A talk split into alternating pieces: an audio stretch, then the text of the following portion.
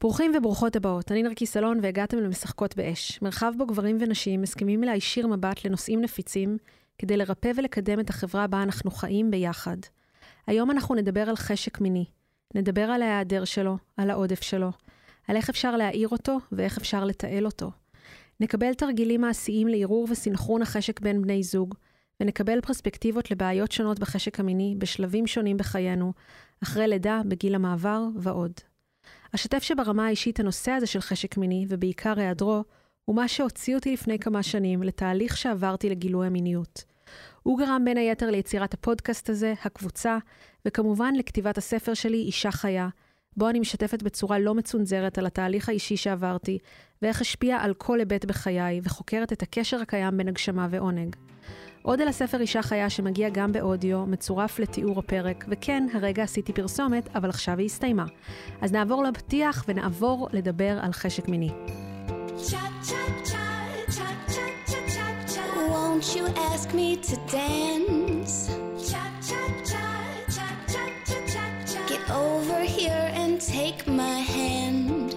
Say you like me, you better count the ways.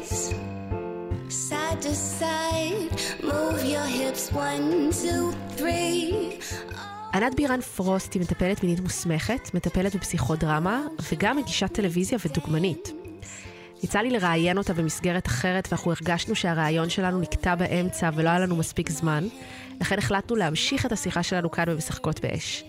אז היום אנחנו נדבר על חשק מיני, ננסה להבין לאן הוא נעלם ואיפה אפשר למצוא אותו. אני קצת מצודדת, אז אנחנו נזרום עם הקול שלי וזה יעבור בסוף. אמ, אז היי ענת, איזה אהלן, כיף. נרקיס, איזה כיף, עוד פעם. ממש. כמה נעים אצלך. את יודעת כמה שמעתי את משחקות באש? יואו, אני מה זה יש. שמחה, ממש. אז זה כיף ממש לראות אותך בעונה השנייה. ודבר ראשון, אני רוצה שנתחיל ממה זה בכלל חשק מיני? איך את מסבירה את התופעה הזאת שבאה ונעלמת, באה ונעלמת?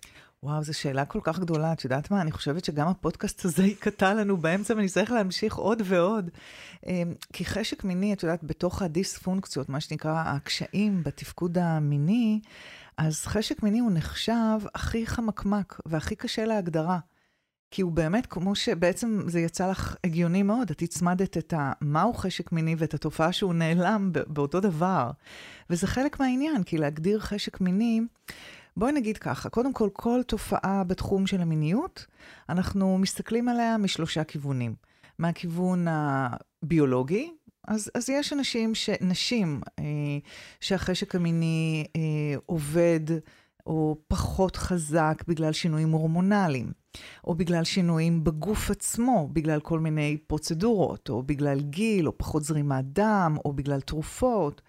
אז זה דבר אחד. אה, יש לנו את הקטע הרגשי, יש משהו שחסום ברגש, או שאנחנו מדברים מבחינת אה, תפיסות ועמדות, שזה הדבר הכי מרתק. כי בואי נגיד שברגע שמגיע אליי, מגיעים לקליניקה מטופל, מטופלת או זוג, אז כמובן שקודם כל צריך לבדוק מה קורה ברמה הפיזית. ואז אם יש איזשהו קושי פיזי או, או רקע של מחלות, עובדים עם המוגבלויות שיש ומנסים למקסם את פוטנציאל ההנאה, לתת אה, מה שנקרא פסיכו-אדיוקיישן, כאילו לתת קצת אה, מידע, אינפורמציה, לראות עוד איזה רופאים, אנשים, אה, פיזיותרפיה של רצפת האגן, מה יכול להיות ככה מעורבב בסיפור.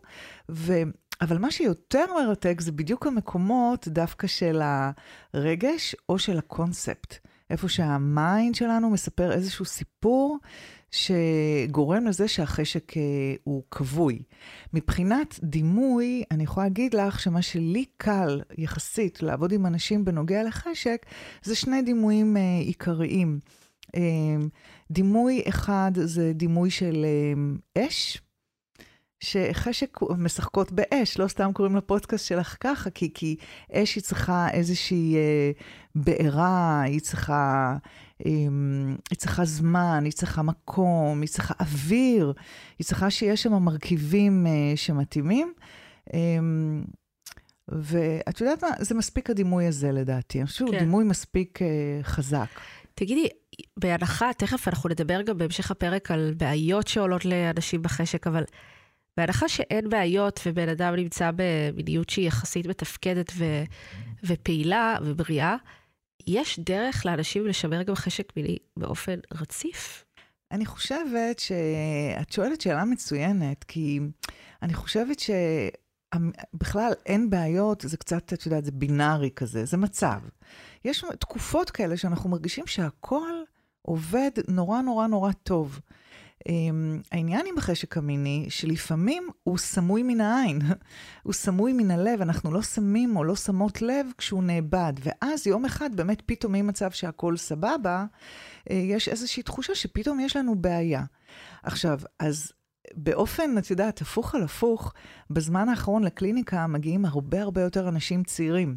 גברים צעירים שמתמודדים עם חוסר חשק מיני, נשים צעירות או זוגות צעירים שמתמודדים עם חוסר חשק מיני. ובאיזשהו מקום אני אומרת להם, איזה יופי שבאתם, כי ברגע שאתם פה, נכון, יש כרגע בעיה. הרבה יותר כיף, הרבה יותר קל כשזוג צעיר מכיר והכל עובד סבבה ולאורך זמן וכו' וכו'. אבל בעצם מה שהם מקבלים זה את ההזדמנות להכיר בדיוק את כל הדלתות האלה ואת כל התנאים שהאש הזאת היא צריכה. וברגע שהם מבינים את הרעיון, הם כבר לא נבהלים, ואז באמת אין בעיה, כי אם אצל גבר מסוים, גבר צעיר, את יודעת, הוא בתוך...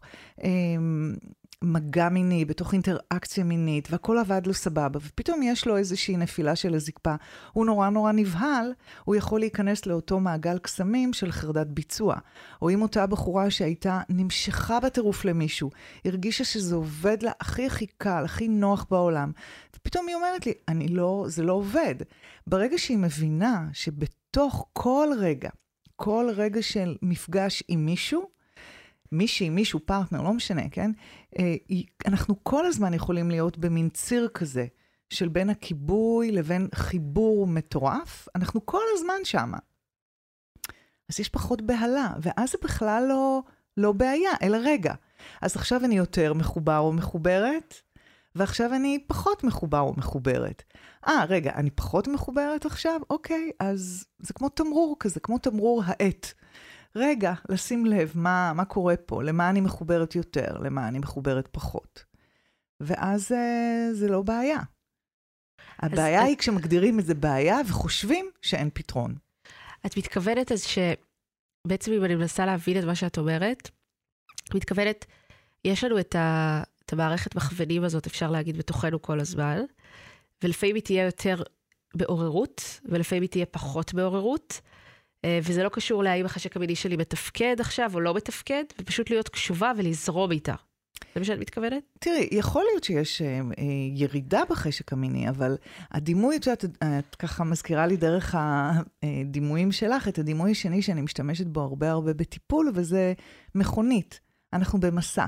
אני מסתכלת עלינו, על הגוף שלנו, כמו כאילו מכונית, אבל לא מכונית באמת, אבל מכונית שכאילו היא כזאת, יש בה דלק, או אין בה דלק. איזה מוזיקה אני שומעת באוטו שלי? אה, ההגה בידיים שלי, כן או לא? באיזה מהירות אני נוסעת? האם אני עוצרת אה, בצד הדרך להתרעננות? איזה נוף אני רואה?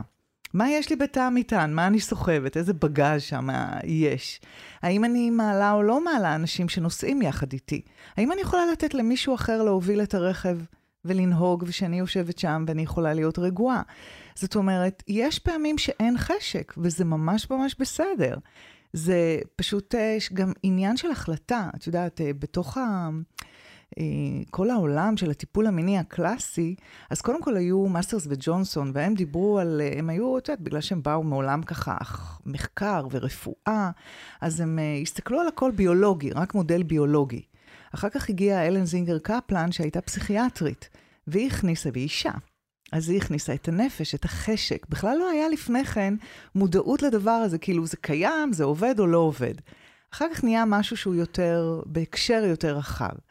ואז, כאילו יותר מאוחר, הגיעו גם הפמיניסטיות ומודלים יותר מתקדמים, שדיברו על זה שחשק, את יכולה לא להרגיש אותו.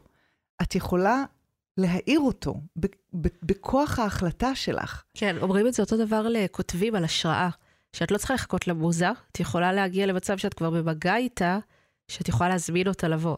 ממש ממש ככה, כי זה בדיוק מה שדיברנו עם האש, נכון? הלא סופר או סופרת.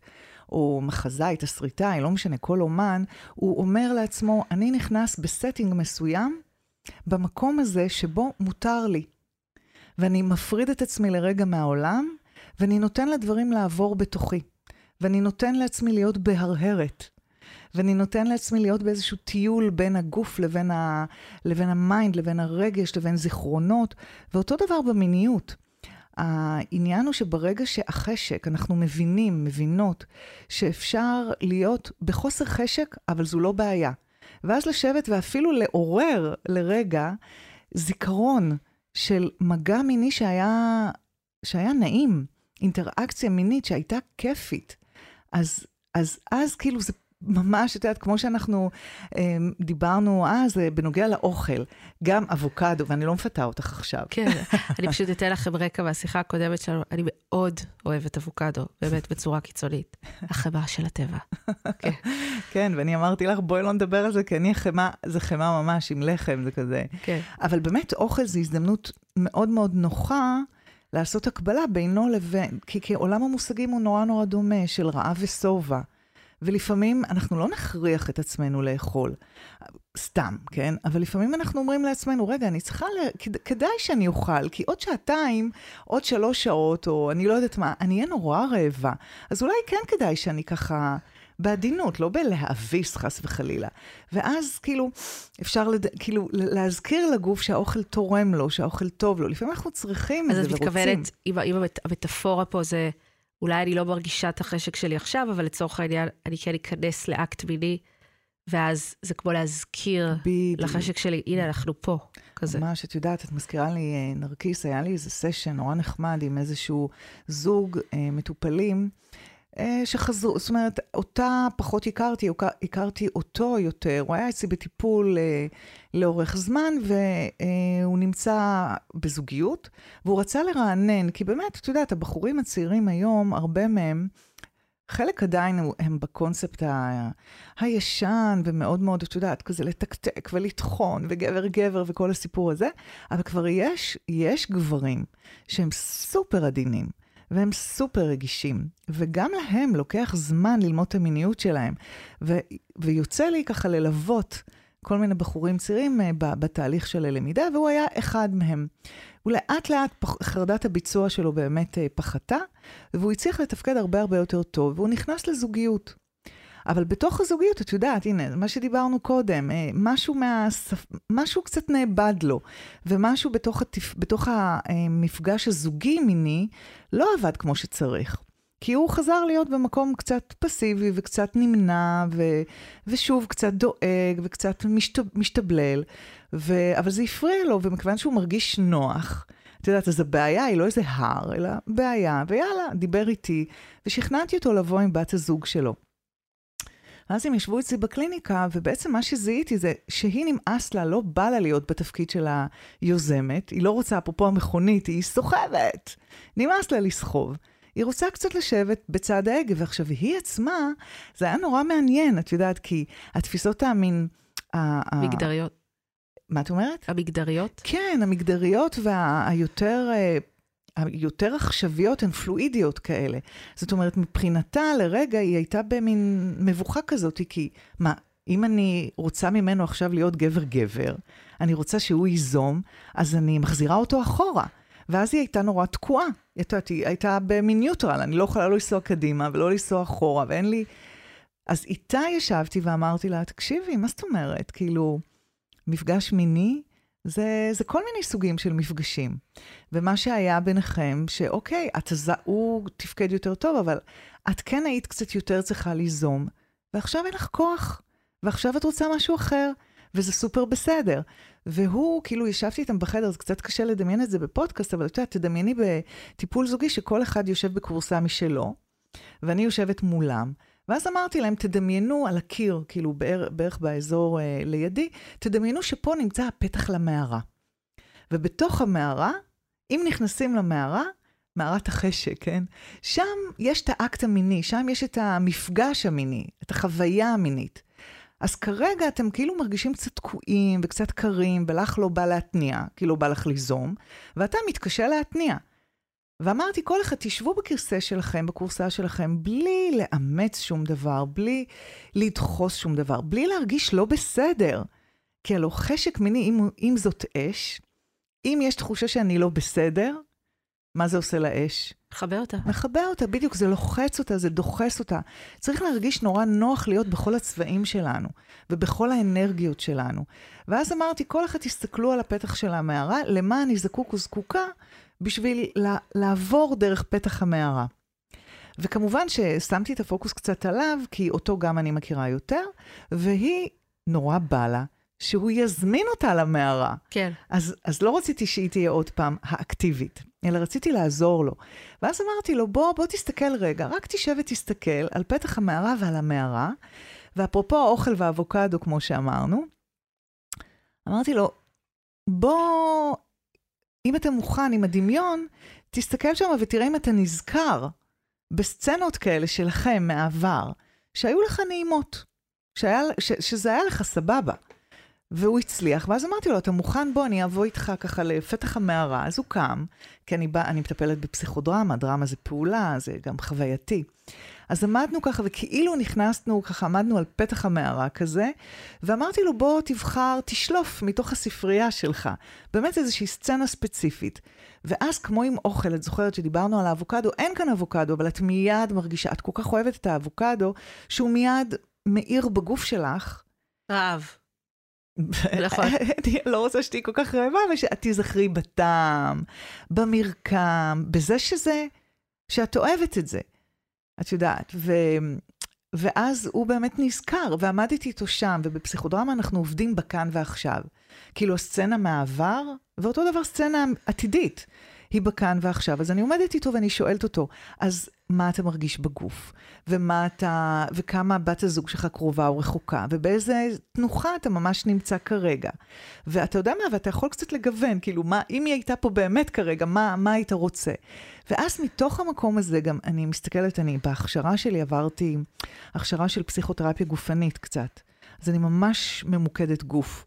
ראיתי שהוא עומד והוא נשען על הקיר.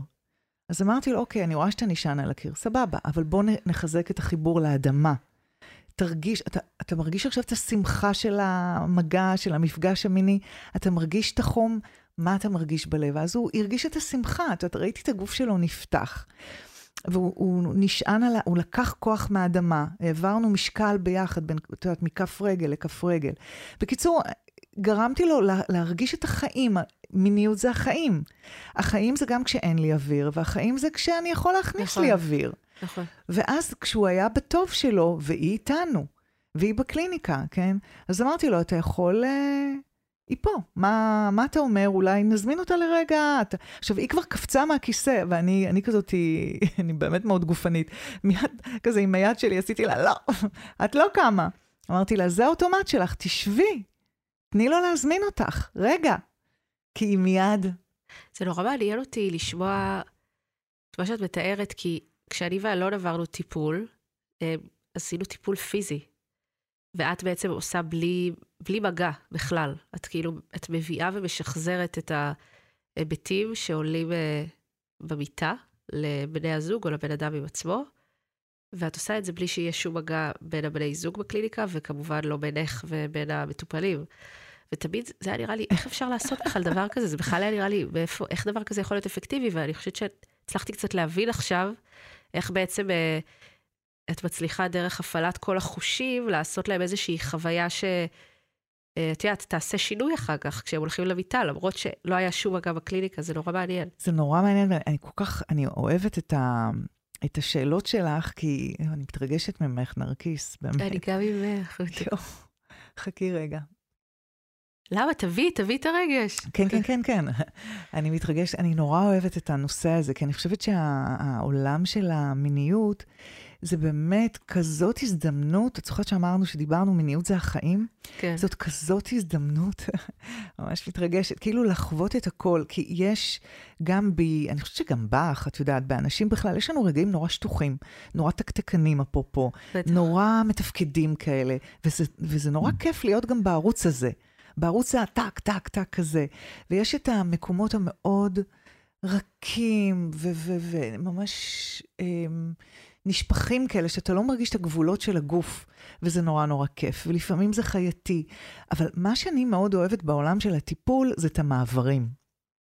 וכאילו, אני חושבת שאיכשהו את הצלחת בשאלה הכאילו מאוד פשוטה שלך, שהיא באה ממקום של שיתוף בעצם. אז, אז היא מתחברת לי גם למעברים וגם לעניין של המפגש כל הזמן.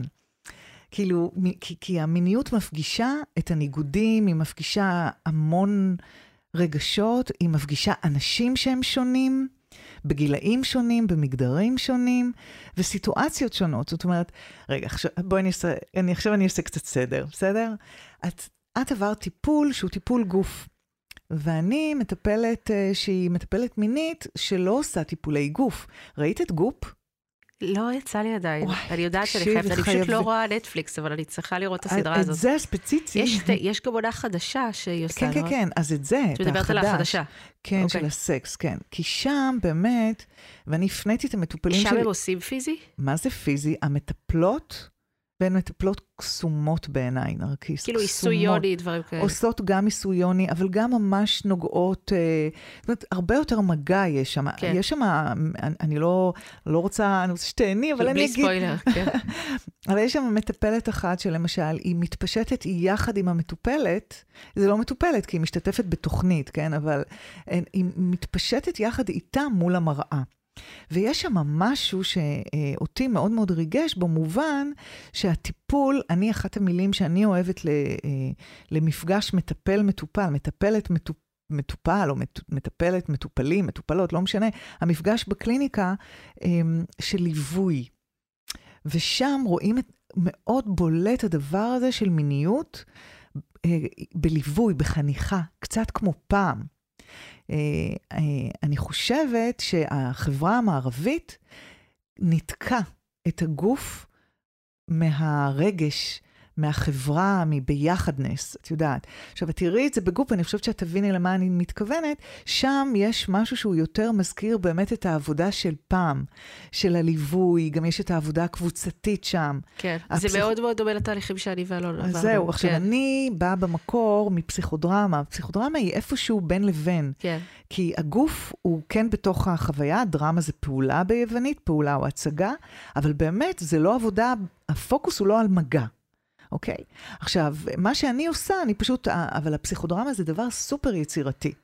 אז אני לוקחת ומשלבת את הידע של הטיפול המיני וההנחיות של הטיפול המיני הקלאסי, שבאמת אנחנו לא נוגעים, אני לא נוגעת במטופלים שלי, אין ספק, אבל בעזרת הדמיון, בעזרת הידע, בעזרת הפסיכותרפיה הגופנית, אז אני עושה את מה שאת אמרת עכשיו, זאת אומרת, אבל באותו רגע אני כן מחברת לדברים קונקרטיים. זאת אומרת, אנחנו עובדים בכמה ערוצים במקביל. מצד אחד הדמיון, האבוקדו איננו, דמיינו אותו, אבל אני כן, נגיד, עם אותו זוג ששיתפתי אותך בנוגע למערה ופתח המערה, יש קיר. הוא נשען באותו רגע על הקיר, באותו רגע, ואני עושה להם הגבלות. ברגע שהם מבינים את הקונספט, הרבה יותר קל כבר להיות בתנועה. אז יכול להיות רגע של קושי, ואין סיבה שהוא יהפך למצוקה. מאוד מאוד גדולה. הוא יכול להיות בעיה אולי, אבל לא מצוקה או סבל בהכרח. כי הנה אני לרגע מתנתק, או הנה אני לרגע משתבלל, או הנה אני לרגע לא מחוברת, או אני לא מרגישה פתאום, רגע נגעת לי במקומות הכי אינטימיים, אני כבר חשבתי שאני ממש קרובה, נגיד לאורגזמה, אבל אני התנתקתי, או אני לא מרגישה. אז רגע, לצ... כאילו, לא צריך להתנתק לחלוטין. אפשר לנשום, אפשר להרגיש את המצעים. אפשר להרגיש את החלקים שהם מכוסים, אפשר להרגיש את החלקים שהם...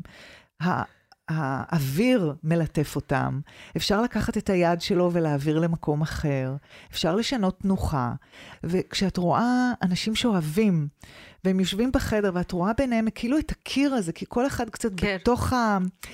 ואז את רואה את הדבר הזה, מת... אני, אני אין, נפתח, אני, כן. כן, אני לא יכולה, אני עוד פעם... אה, זה הכי מרגש. זה נורא מרגש, כאילו, זה כאילו כל כך פשוט, כאילו, את פתקימי משהו שעומד בינינו, חוצץ, והתסכול, והאכזבה, וה... איבדנו את זה, וכבר הפחד מהעתיד, כי ההווה כבר צובע את העתיד גם.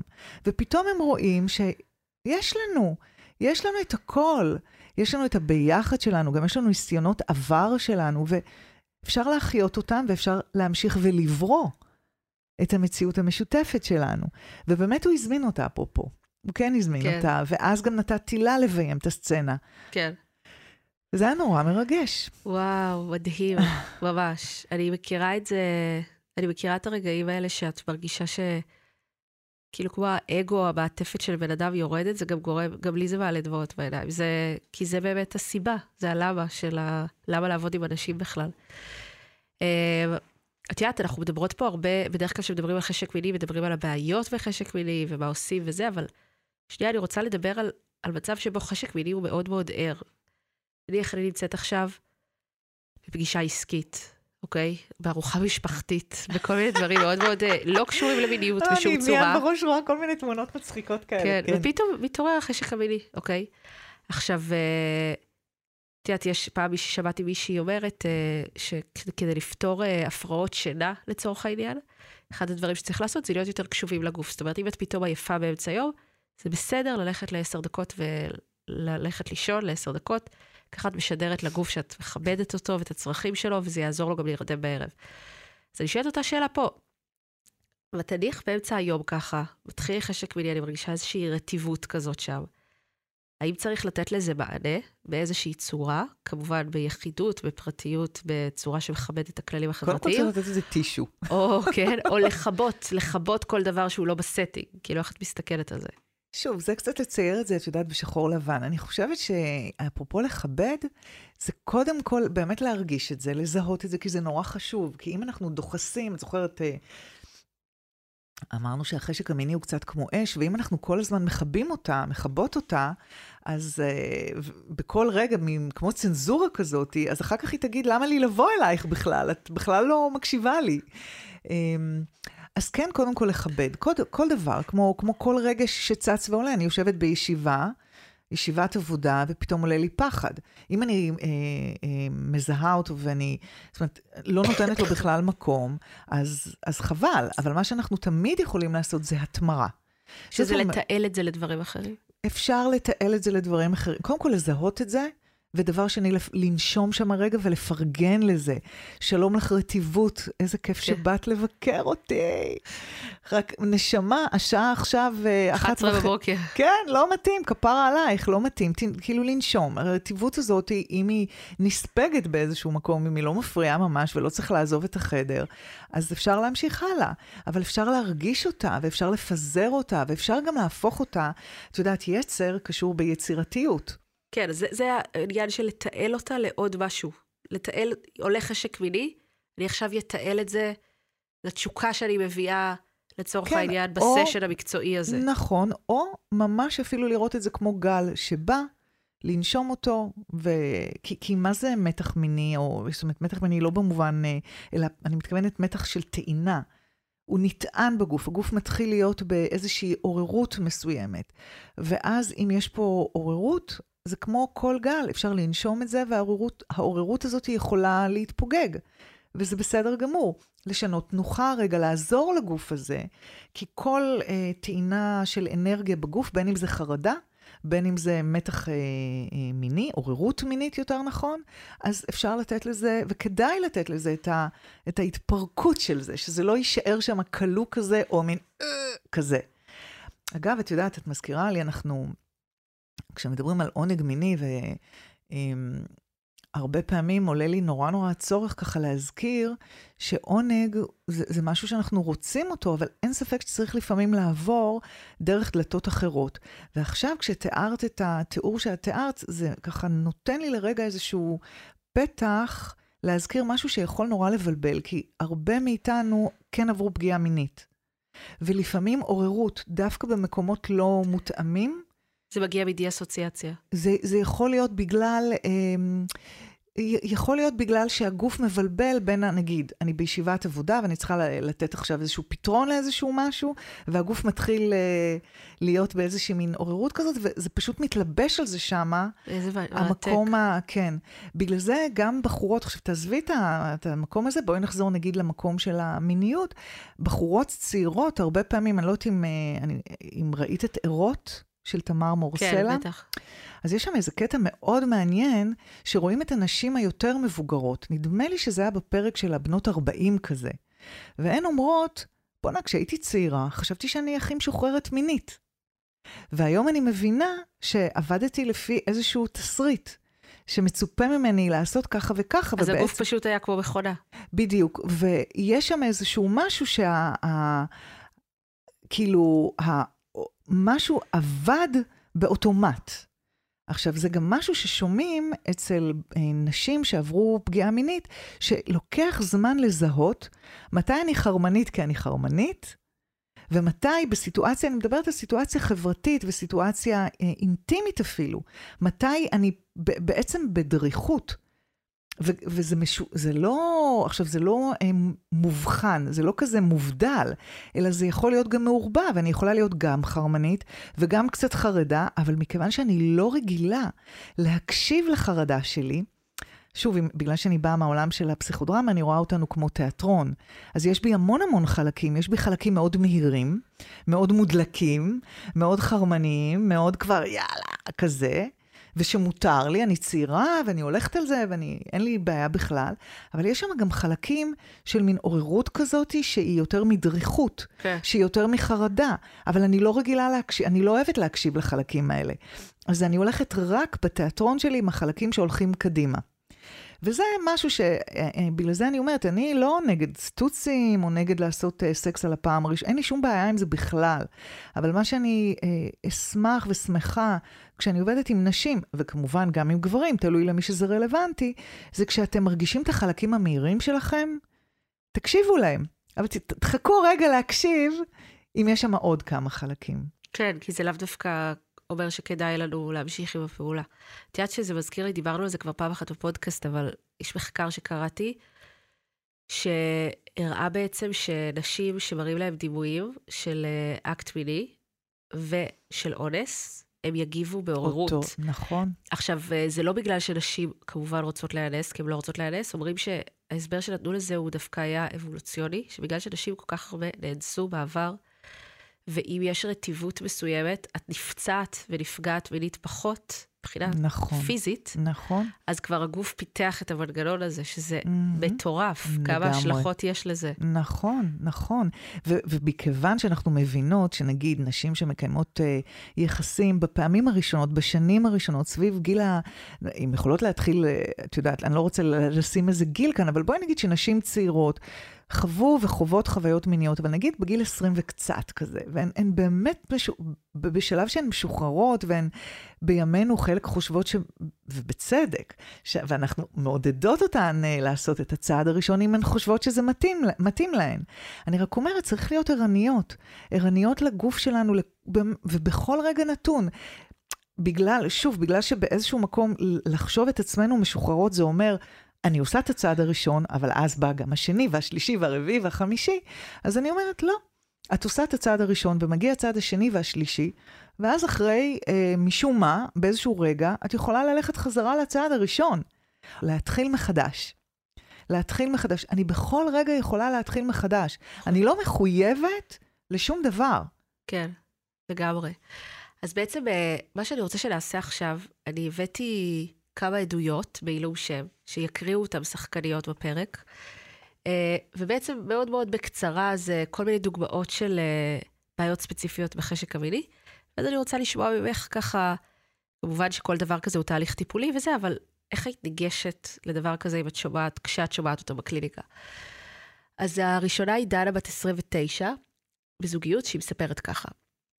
תמיד כאב לי ביחסי מין. מאז שאני זוכרת את עצמי, אז יש לי פטריות, דלקות בדרכי השתן, פשוט חוסר נעימות כללי באזור. כשאני בזוגיות, אני מנסה לספק את הסחורה באמצעות אוראלי, או לסבול בשקט, פעם בכמה זמן. אני מרגישה המון רגשות אשם עם הבן זוג שלי. מנסה להבין, אבל בפועל אני רואה כמה שהוא מתבאס, שאנחנו לא שוכבים. אז אני עושה את זה לפעמים כדי לרצות אותו. לפעמים אני לגמרי יבשה. וזה סבל שאני בכלל לא יכולה לתאר. לפעמים זה דווקא בסדר. הבעיה היא שככה או ככה אין לי שום חשק מיני, כלום, נאדה. אין לי מושג איך להתחיל בכלל לשנות את זה, ואני לא יודעת אם זה בכלל הדבר הזה ש...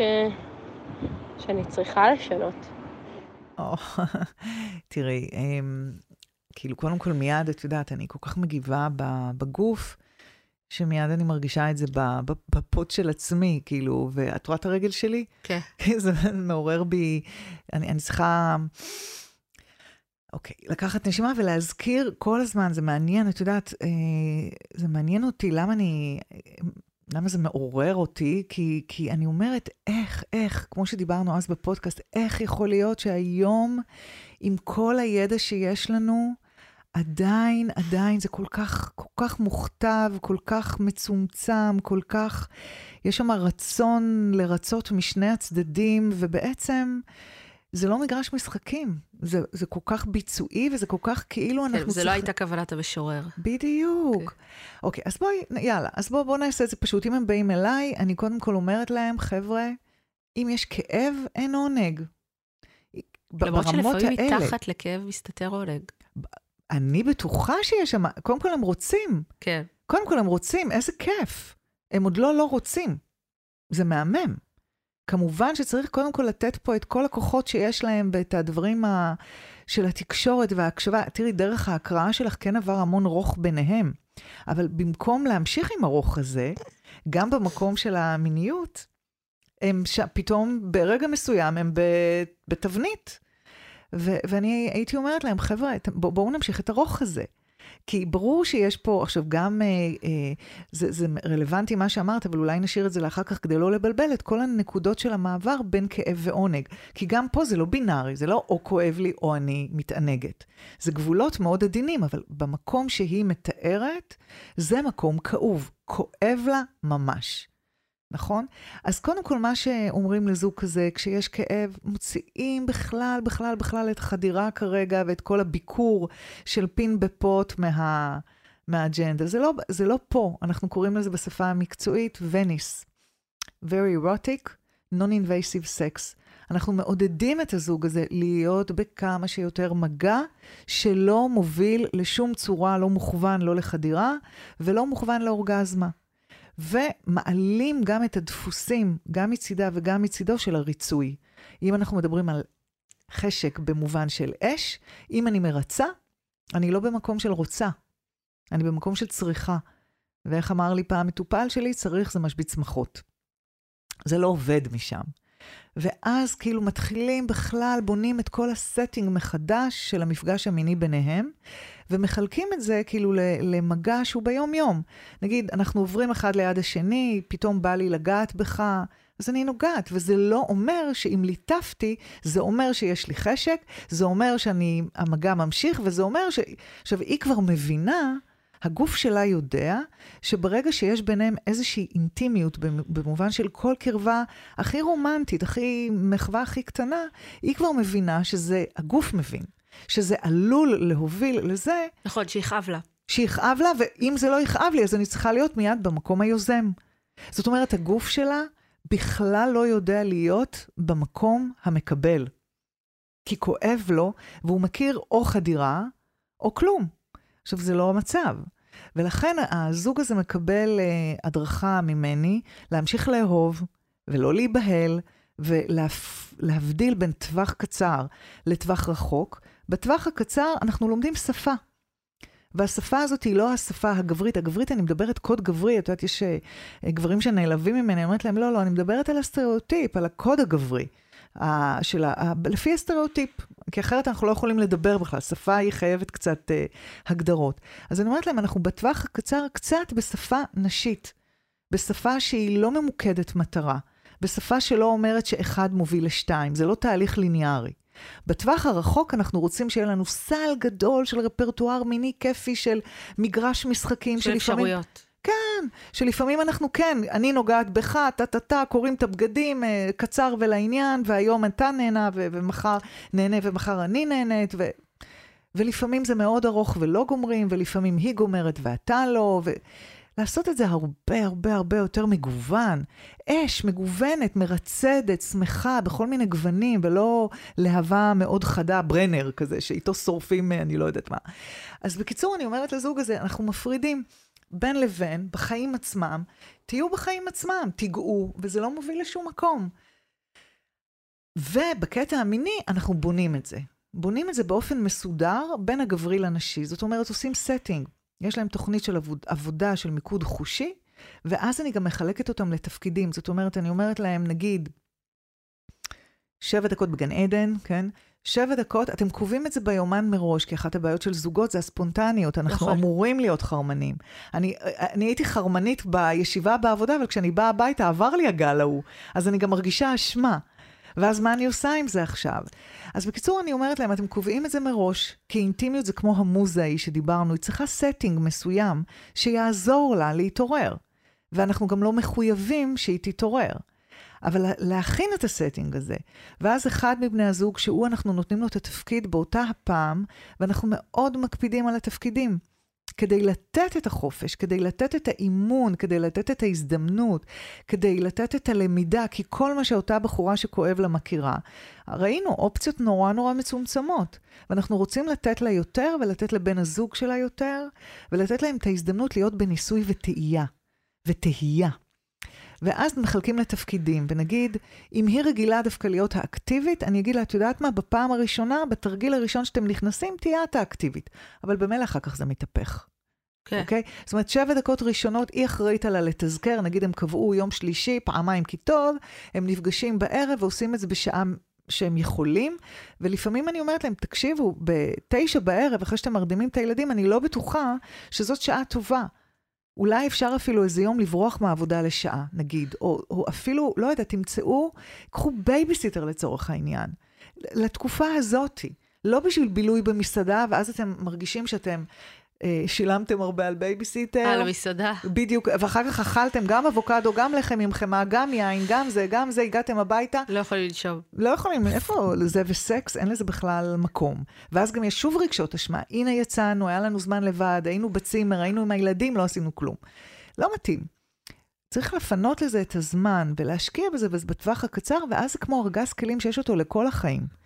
כי מתאמנים, ממש מתאמנים בתנודות האלה של החשק ולא נבהלים, ונותנים לגוף את ההזדמנות.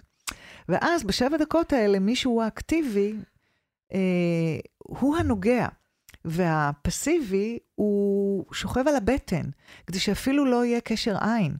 ואני מבקשת מהם, אה, אם הם רוצים, אפילו לכסות את העיניים, לפחות זה של הפסיבי, כדי שהוא יוכל באמת להיות קשוב, כי כל אחד, ההנחיה בתרגיל הזה, זה להיות קשוב או קשובה לתפקיד שלי.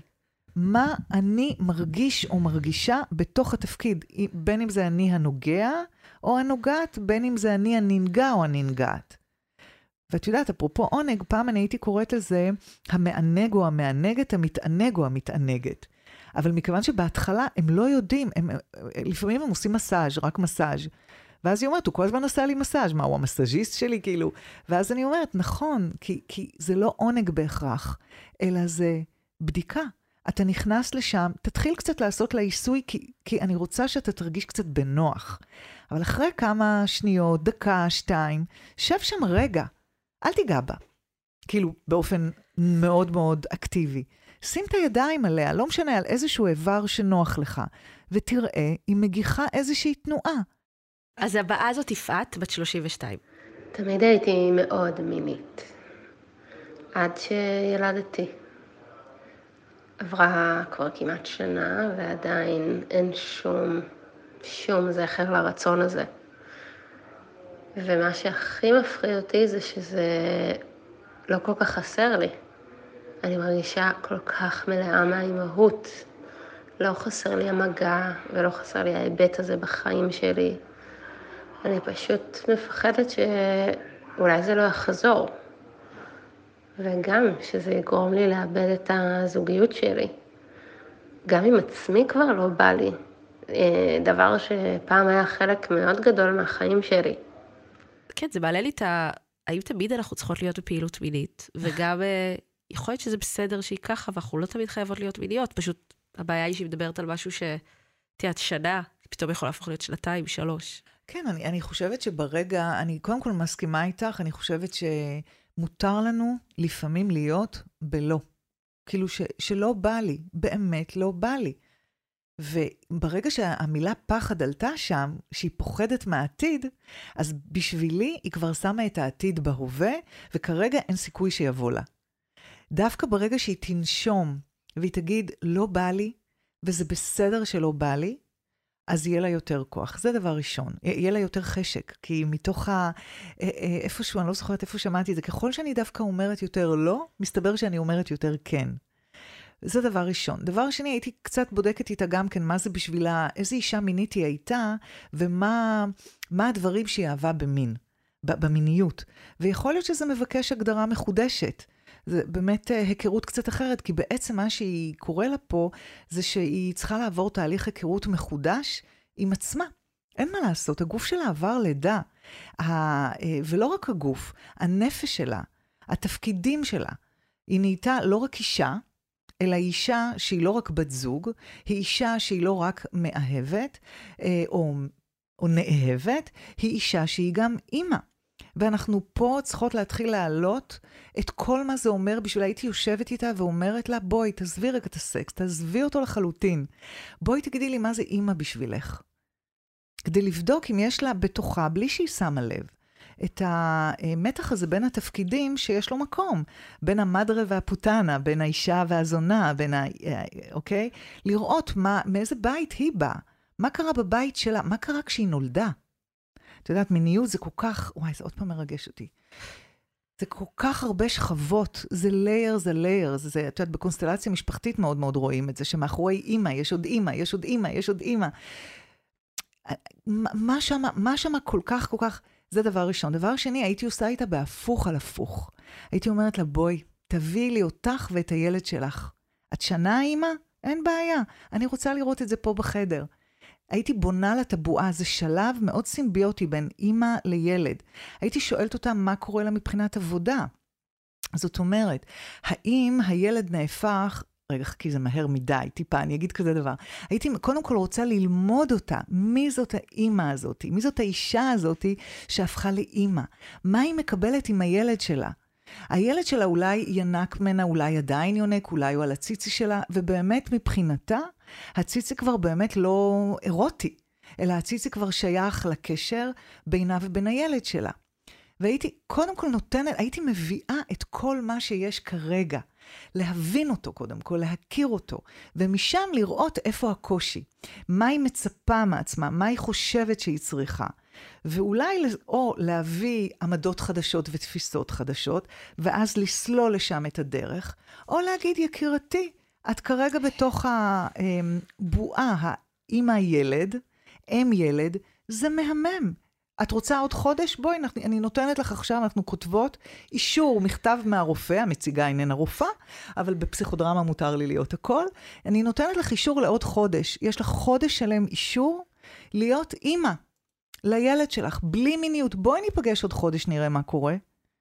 אני מבטיחה לך שמשהו ישתנה, זה דבר ראשון. דבר שני, הייתי בודקת מכיוון אחר. אנחנו קוראים לזה רווח אה, משני. שוב, לא ממקום מודע או ממקום מניפולטיבי, אלא האם הילד שלי הוא באיזשהו מקום משמש הגנה ביני לבין בן הזוג ממש שלי. ממש מעניין, ממש. כן. כי למשל, הלוא, אני לא רוצה שהיא תיקרע מהילד שלה, ואני לא רוצה שהיא אה, תרצה את בעלה, ואני גם לא רוצה שהיא תרצה את עצמה, את החלקים של הצריך. אני רוצה שהיא תהיה מחוברת לי יותר להיכרות. היא השתנתה, משהו השתנה. עכשיו, כשאמרתי את המילה עבודה, את יודעת, סתם, עלה לי באסוציאציה, אני אתן לך דוגמה, מה זה רווח משני? נגיד, היא... הייתה לה, היא עצמאית, אוקיי? לדוגמה, סתם, אני בונה איזה תסריט. היא הייתה עצמאית, היא הייתה רגילה לעבוד מאוד מאוד קשה בעבודה שלה, ועם ההיריון והלידה, משהו בחיבור, בתשוקה. לעבודה, משהו השתנה שם, אז זה כבר לא עובד לה יותר. כרגע עובד לה הרבה יותר התשוקה לילד, אבל היא יודעת במקום פחות מודע, שאם היא מרפה מהילד, היא חייבת לחפש עבודה חדשה. נכון. את מבינה? כן. וזה מלחיץ אז אותה. אז אותו דבר, אם היא מרפה פה מהקשר, היא צריכה לגלות את הדמות המינית החדשה שלה, את החיבור החדש שלה למיניות אחרי לידה, ו... לא, אני דווקא אומרת, היא, היא, בעצם, היא, היא בעצם, הקושי שלה הוא לא מיני. הקושי שלה הוא בזהות המקצועית שלה. כן. והקושי שלה הוא בעצם בקשר עם בן הזוג שלה, כי יש לכולנו אה, את יודעת, אה, אה, צרכים, קשיים כלכליים, התמודדות כלכלית, בואי נגיד ככה, לרובנו. זאת אומרת, כאישה לחזור לשוק העבודה לפעמים, אחרי שאת ילדת, לפעמים זה קשה, את צריכה למצוא את עצמך מחדש. זה די, נראה לי, אני חושבת שזה כמעט תמיד קשה. אני חושבת שזה כמעט תמיד קשה, אבל אה, יש הבדל בין אם את היית בעבודה מסודרת, נכון. את בחופש של חופשת לידה שאיננה חופשת לידה, תעזבי, אבל מה שנקרא כן. חופשת לידה, ואת חוזרת למקום העבודה, לבין שאת צריכה לייצר לעצמך זהות מקצועית מחדש. ואז את לא יכולה להתמודד, גם עם זה, גם, נכון. עם, ה, גם עם הכסף. אז את כאילו ייצרת לעצמך קונפליקט שנראה לך שהוא יותר פתיר, או יש לו הגנה, כי מותר לך להיות אימא. אז באמת דיברת על שינויים הורמונליים, ואת העדות האחרונה רציתי להזמין אותך. בעצם שלחתי לך בוואטסאפ חלק מהפוסט שאת פרסמת על, uh, על גיל המעבר, ורציתי לבקש ממך להקריא אותו, uh, ואז אני אשאל אותך על זה משהו. רגע. כי זה בעצם עוד אחד מה... אפרופו גיל המעבר, אני צריכה משקפיים. כן, כי זה עוד אחד מהדברים שקורים והשינויים שעוברים עלינו כאנשים שמשפיעים באיזושהי צורה על החשק המיני. אז הנה אני, אישה בגיל המעבר. למעשה, אני עוברת כבר כמה שנים, ולהערכתי יש לי עוד כמה שנים טובות עד שאסיים לעבור. מה זה אומר להיות בגיל הזה? זה אומר לעבור קודם כל דרך טרום גיל המעבר. פרימנופאוזה, וזה הכי מאתגר, כי בתקופה שלפני גיל המעבר מתחילים שינויים. אבל הם כל כך חמקמקים, ועדיין יש וסת, אז אנחנו מייחסות אותם לתסמיני מחזור, אבל הם לא. טרום גיל המעבר וגיל המעבר הן תקופות מאתגרות, לאישה ולמי שקרוב אליה. ככל שנהיה מודעות יותר לכל התסמינים האפשריים, יהיה טוב לכולם. גלי חום זה התסמין הידוע ביותר, אבל הוא רק אחד. כשניסיתי לתאר לאנשים מה אני עוברת, אמרתי שאני מרגישה בתוכי תזוזה של לוחות טקטונים. ממש כך, ככל שהתעלמתי מהתסמינים, הם טלטלו אותי יותר. ככל שנתתי להם יותר מקום בתוכי, הם עזרו לי לארגן את חיי מחדש. ככל שנתתי ביטוי לשינויים, נהייתי יותר חזקה. כל תסמין הוא תמרור, הוא הזדמנות לעצור לרגע ולחשב מסלול מחדש. אז מה היית אומרת, שאני יודעת שגיל המעבר זה נושא מאוד מאוד רחב, אבל בדגש על, על עניין החשק המיני, מה השינויים שנשים עוברות בהיבט הזה? אני צוחקת כי את תאלצי להזמין אותי לפרק נוסף לדעתי, לא תהיה לך כן. ברירה. זה פשוט עצום. השינויים בגיל המעבר, כמו שאמרנו, פיזית, רגשית, אמ, תודעתית, זוגית, משפחתית, שבטית, קהילתית. הם פשוט באמת במעגלים מהדהדים בטירוף. כשאני מדברת על לוחות טקטונים בתוכי שזזו, אני ממש הרגשתי כאילו, והם הולכים לרוחב, לא, את יודעת, ממש, כאילו בתוכו תזוזה מטורפת. עכשיו, לא כל הנשים עוברות את זה, אני גם חייבת לומר את זה, אנחנו צריכות לפרגן ולתת מקום למי שלא מרגישה את זה. אבל למי שכן מרגישה, זה יכול להיות אה, אה, פתאום אה, בגלל שינויים פיזיולוגיים, אז באמת יובש בנרתיק. זה יכול להיות אז פתאום כאבים בחדירה. זה יכול להיות אה, עגלי חום המבאסים האלה. זה יכול להיות בכלל דפיקות לב מואצות באמצע הלילה. וואו. ממש. זה נשים לא יודעות, הן הולכות למיון, הן חושבות שקרה להן משהו.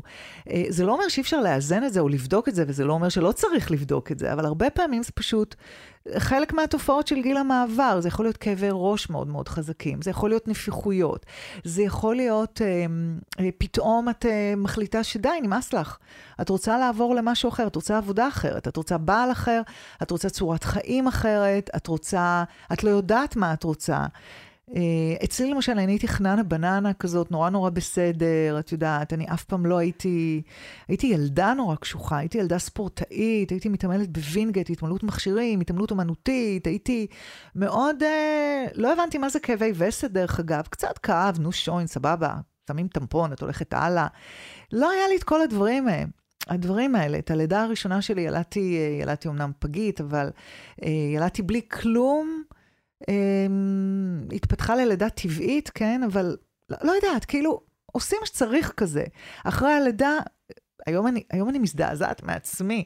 אחרי הלידה, אני, כאילו, הייתי חייבת לנסות לקיים יחסי מין, כי, כי פחדתי שאני לא, מבינה? וואו. כמה זמן אחרי? ועצרתי, מזל, לא רוצה להגיד אפילו וואו. כמה זמן אחרי, והיו לי תפרים אחרי הלידה הראשונה. וואו. פשוט, אה, בגלל זה אני אומרת שהמון דברים, גם אני הייתי עיוורת אליהם, ואני חושבת שלהרבה נשים זה קורה, לאו דווקא כמוני, הן, קורה להם את זה באופן שלהן, שיש משהו בגיל הזה שפתאום הרבה מהדברים שהכרת או בגוף שלך, או בתפיסות שלך, או בדינמיקה שלך עם הבן זוג שלך, או המשפחה שלך, או עם מקום העבודה שלך, שמשהו סופר משתנה, ואת מוצאת את עצמך פתאום, יש פה מישהי שאת לא מכירה אותה.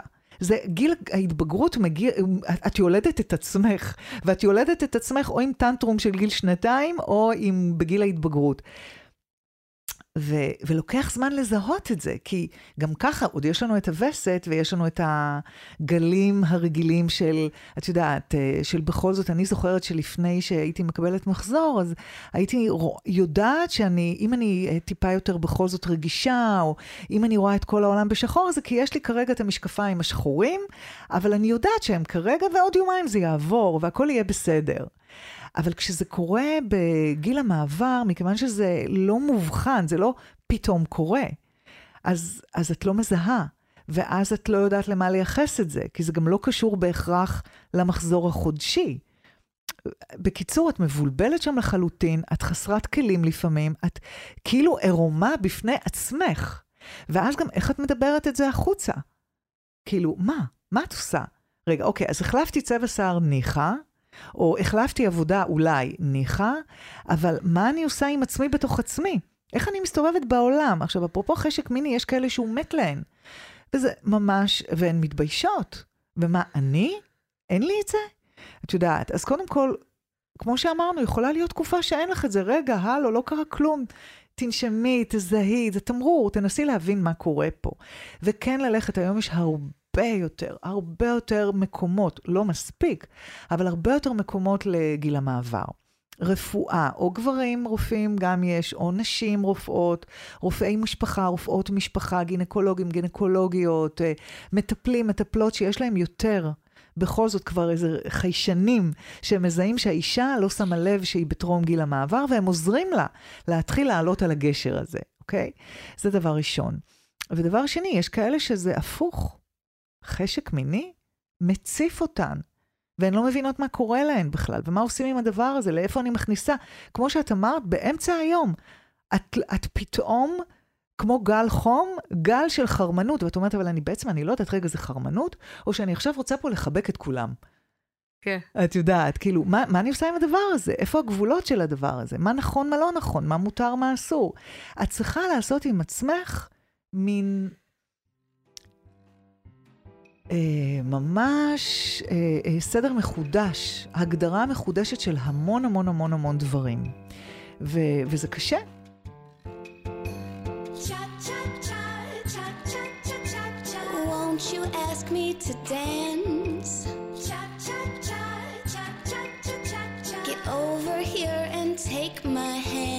התזכורת הכל כך חשובה מהשיחה הזאת היא שמיניות זה דבר מרובד שכל הזמן משתנה. לפי התקופות שאנחנו עוברים ועוברות, ה setting, מערכות היחסים. אין דבר שיכול לעזור יותר לחשק מיני מלהגיע בלי אג'נדה לחשק מיני. להקשיב לעצמנו ולאחרים, ולהסכים כל פעם להגיע חדשים וחדשות לגמרי. תודה שהייתם איתנו. לתיאור הפרק אני מצרפת קישור להזמנת אישה חיה שמדבר על תהליך אישי של גילוי המיניות ויחסים בין גברים ונשים, ומגיע גם בגרסת אודיו, שזה ממש כמו להאזין לפודקאסט הזה. תודה לאלון עיני על העריכה, תודה לענת בירן פרוסט על הראיון. אתם מוזמנים להצטרף לקבוצת הפייסבוק שלנו משחקות באש ולהמשיך את הדיון על יחסים, גברים, נשים ומיניות.